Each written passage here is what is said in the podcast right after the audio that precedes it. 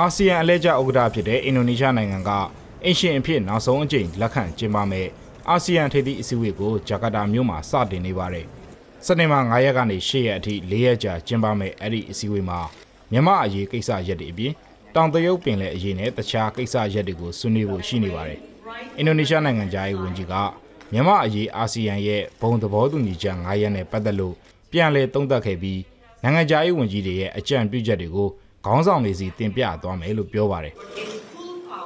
မြန်မာအရေးနဲ့ပတ်သက်လို့အာဆီယံရဲ့ဘုံသဘောတူညီချက်၅ချက်ကိုချက်ချင်းအကောင်အထည်မဖော်နိုင်တော့အချိန်တစ်ခုသတ်မှတ်ပေးတဲ့တိကျတဲ့ဆုံးဖြတ်ချက်မျိုးချမှတ်နိုင်ဖို့ UNG ဘက်ကမျှော်လင့်နေပါတယ်အကယ်၍မစတော့ဒီတောင်းဝင်ဟောဒီ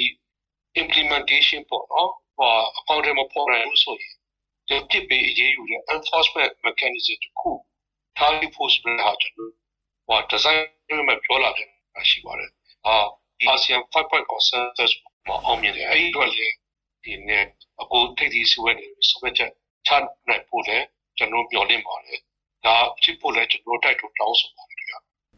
အရှိတောင်အာရှနိုင်ငံများအသင်းအာဆီယံအနေနဲ့မြန်မာအရေးနဲ့ပတ်သက်လို့နှစ်နှစ်ကျော်ကာလအတွင်းထိထိရရောက်အရေးယူဆောင်ရွက်နိုင်တာမရှိတာကြောင့်စစ်ရာဇဝတ်မှုတွေကျူးလွန်နေတဲ့မြန်မာစစ်တပ်ကိုအရေးယူဖို့ပြောရတာလို့ဆိုရတယ်။ အာဆီယံနိုင်ငံတွေကြားမှာမြန်မာအရေးနဲ့ပတ်သက်လို့ဖြည့်ရှင်းဖို့သဘောထားကွဲလဲတာတွေရှိနေတယ်လို့လည်းလေးလာသူတွေကသုံးသပ်ကြပါတယ်။အဖွဲ့အတွင်းမှာတရုတ်လိုလာတဲ့အုပ်စုနဲ့အနောက်ဘက်လိုလာတဲ့အုပ်စုဆိုပြီးကွဲလဲမှုတွေရှိနေတာကြောင့်အရေးယူရေးဆုံးဖြတ်ချက်ကြဖို့ဆိုတာမလွယ်ကူကြောင်းနိုင်ငံရေးလေးလာသုံးသက်သူဦးတန်းစိုးနိုင်ကဆိုပါတယ်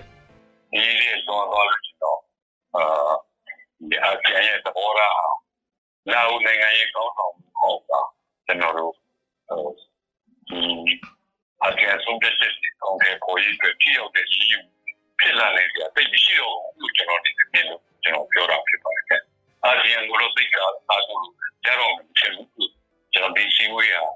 ကျွန်တော်တို့လုံးပြအခိုင်အမာရည်ယူဖို့အတွက်နောက်ဆုံးခွင့်လမ်းမယ်ကျွန်တော်ဒီနေ့ကြောင်းပြောရအောင်အလားတူပဲအာဆီယံအနေနဲ့မြန်မာနိုင်ငံမှာအကြမ်းဖက်မှုတွေချက်ချင်းရပ်တန့်ရေးအကောင့်အထည်ဖော်ဖို့ပြက်ကွက်နေကြောင်းနဲ့စစ်ကောင်စီကိုပိုပြီးပြင်းပြင်းထန်ထန်အရေးယူဖို့ မလေးရှားနိုင်ငံသားရေးဝန်ကြီးကလည်းစက်တင်ဘာ၄ရက်နေ့ကသတင်းတောက်တွေကိုပြောလိုက်ပါတယ်။တစ်ဖက်မှာလည်းမတူညီတဲ့အမြင်တွေရှိနေပြန်ပါတယ်။လာအိုနိုင်ငံသားအာဆီယံအလဲကျခေါင်းဆောင်ဖြစ်လာခဲ့ရင်လည်းကြံတဲ့အာဆီယံနိုင်ငံတွေရဲ့သဘောထားတွေကိုအလေးထားရမှာဖြစ်ကြောင်းတရုတ်နိုင်ငံအခြေစိုက်မြန်မာအရေးလေးလာသုံးသက်သူဒေါက်တာလှကျော်စောကသုံးသပ်ပါတယ်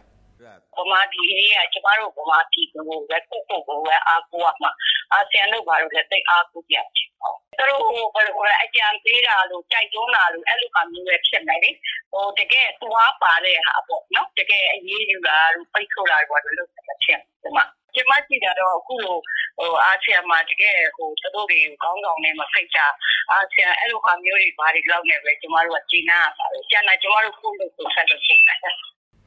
အာဆီယံဘုံသဘောတူညီချက်၅ချက်ကိုစစ်ကောင်းဆောင်ဗိုလ်ချုပ်မူကြီးမေအောင်လှိုင်ကိုယ်တိုင်2021ခုနှစ်ဧပြီ24ရက်က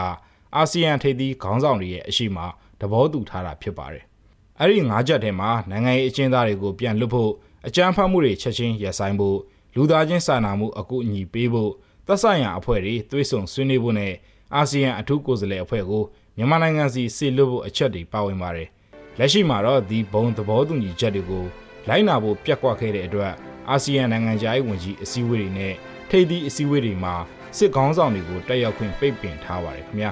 ကျွန်တော်စိုးသူအောင်ပါ